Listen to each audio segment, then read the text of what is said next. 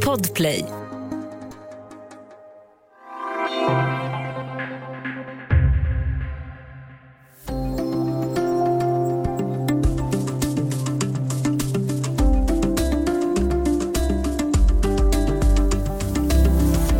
Leker lika barn bäst? Och i vilken grad går det att matcha ihop lyckliga par? Och vad är det egentligen vi söker i en relation? Och är det frågor som de här som gör att realityserier där man får frossa i andra pars ängslighet blir stora snackisar? Välkommen till Studio DN. Jag heter Sanna Thorén Björling.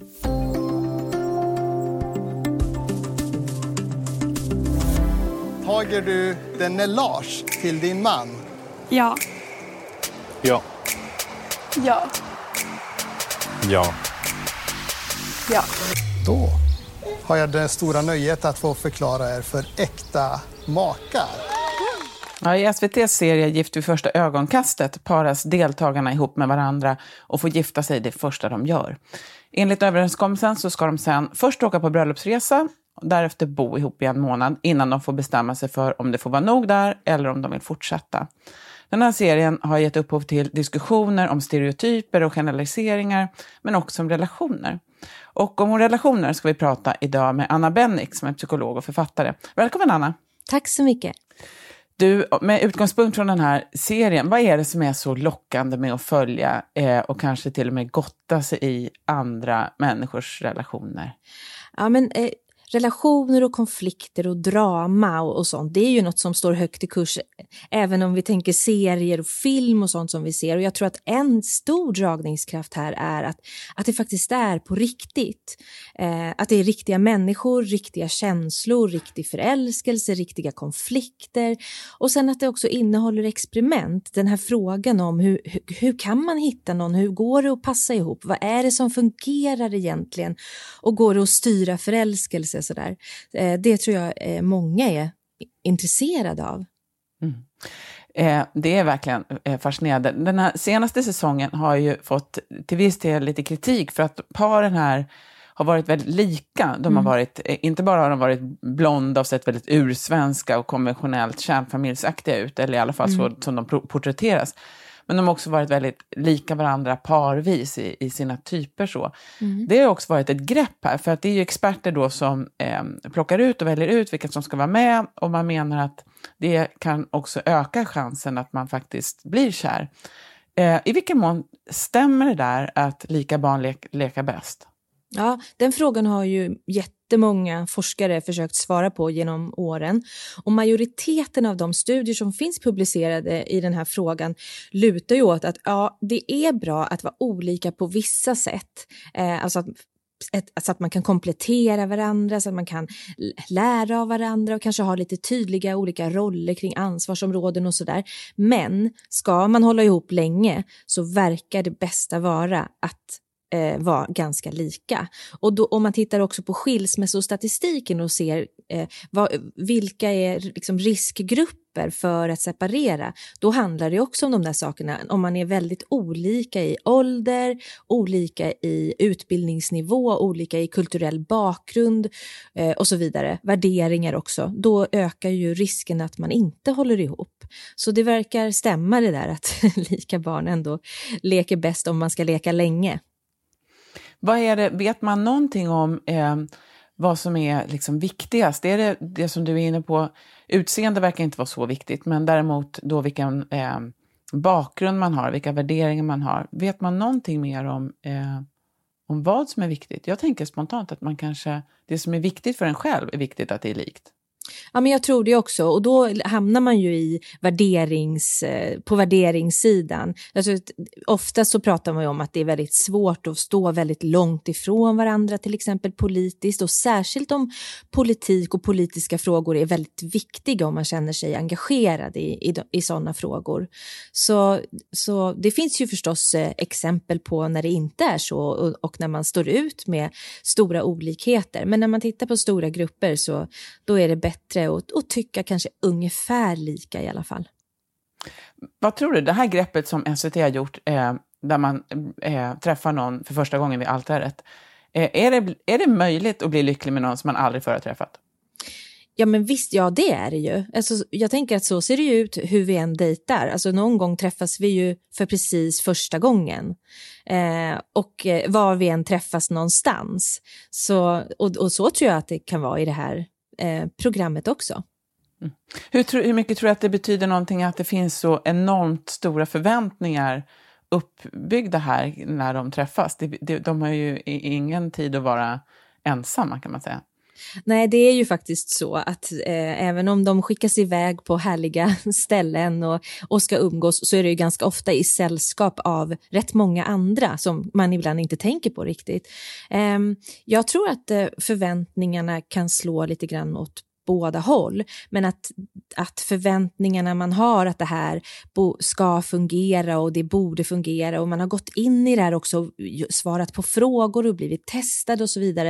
Jag tror att det kan spela någon sorts roll eh, att man gör positiva tolkningar. Ja, just det.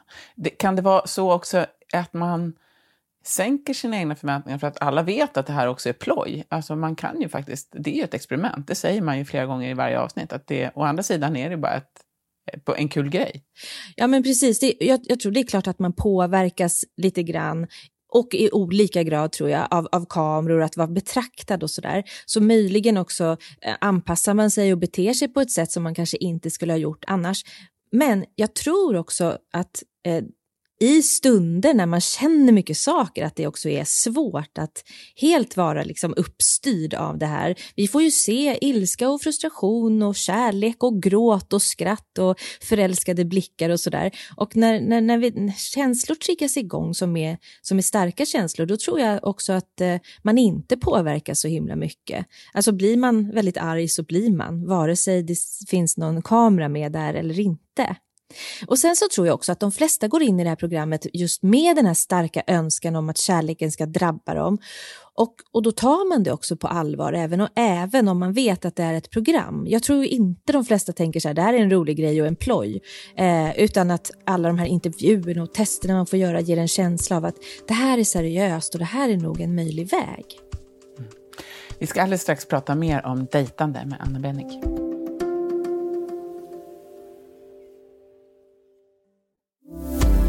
Studio DN idag med psykologen och författaren Anna Bennick. Vi pratar om relationer och hur man dejtar.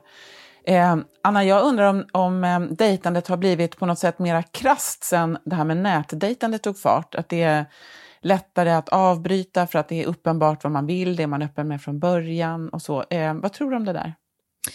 Ja, ja det är ju eh, det är många som säger det, att det är en lite mer liksom, affärsmässig ton över själva dejtandet och det finns tydliga kravlistor och så.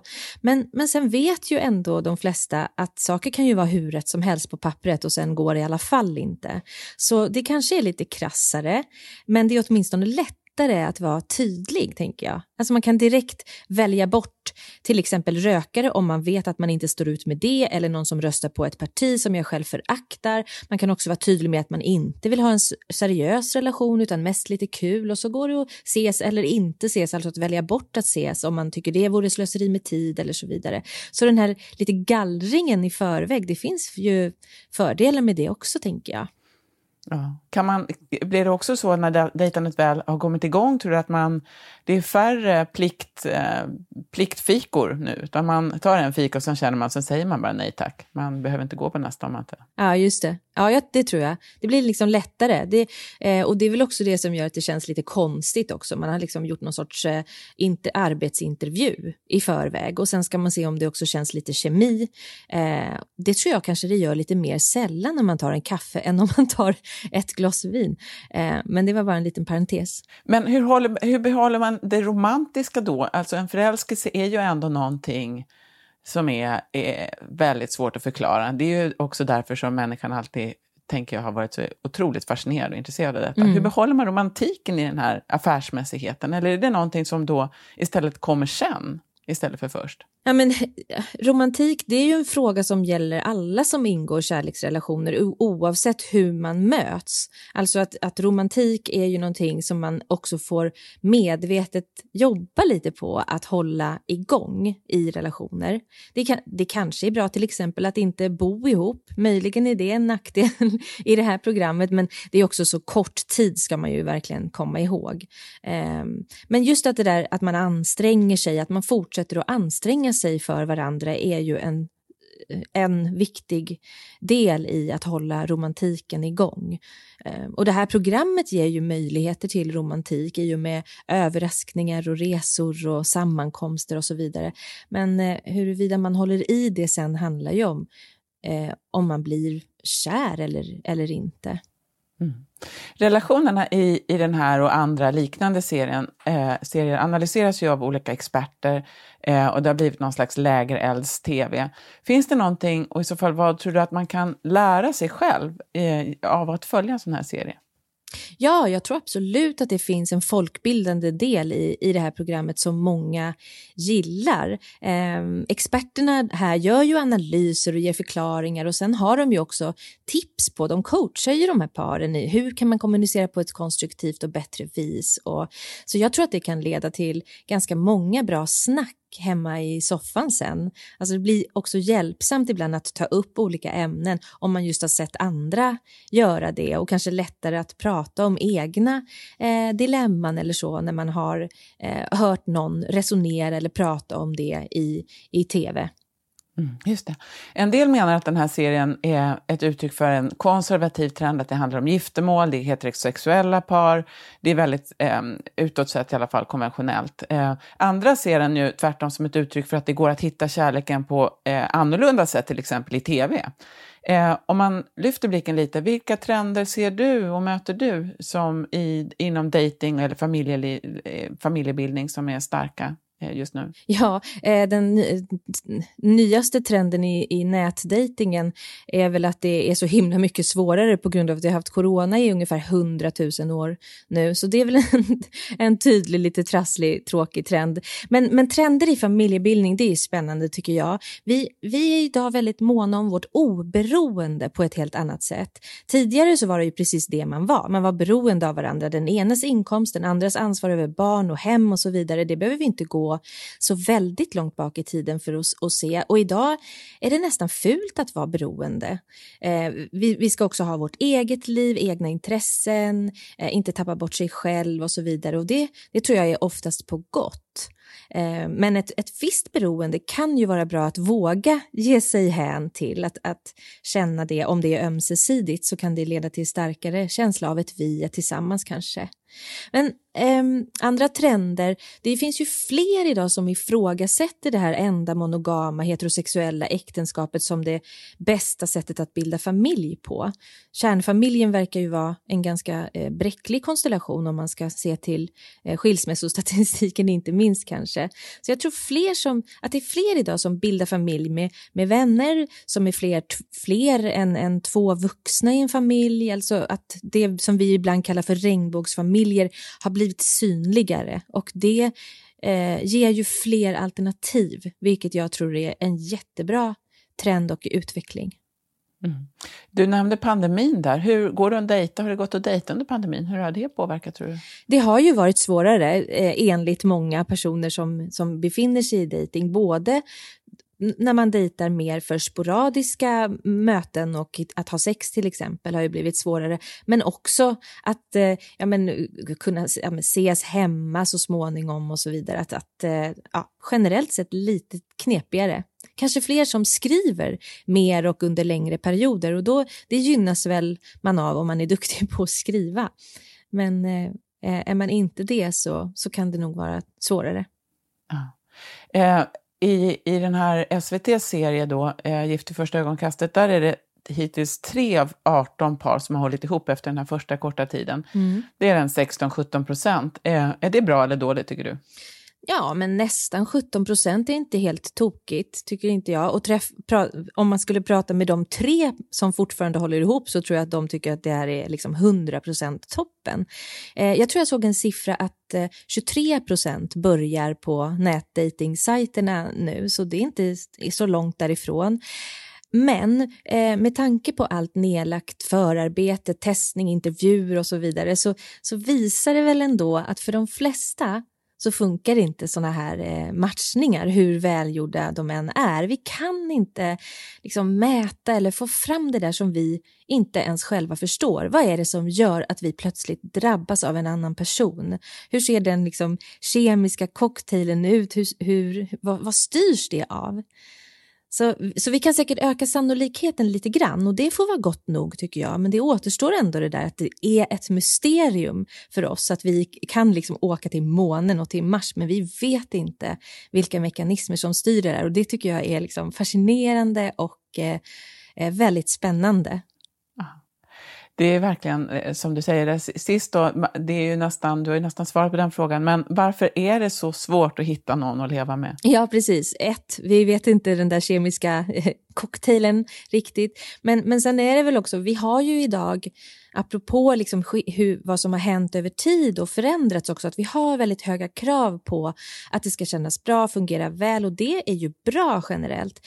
Eh, det är ju bara en kortare period som vi har valt partners på det här viset.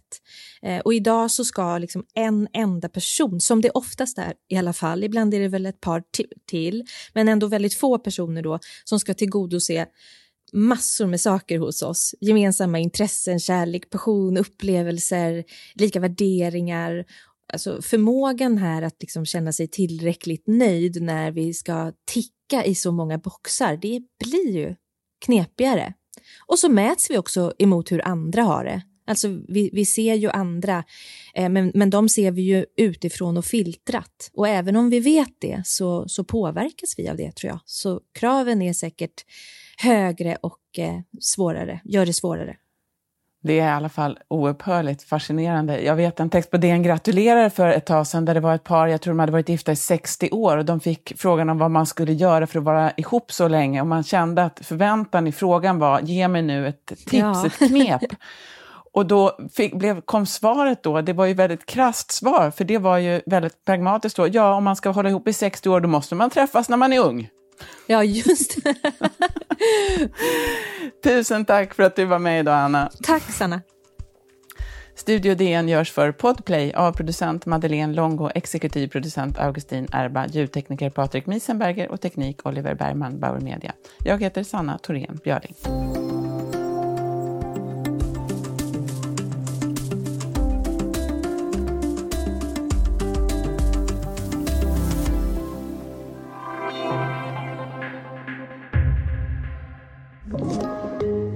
Play.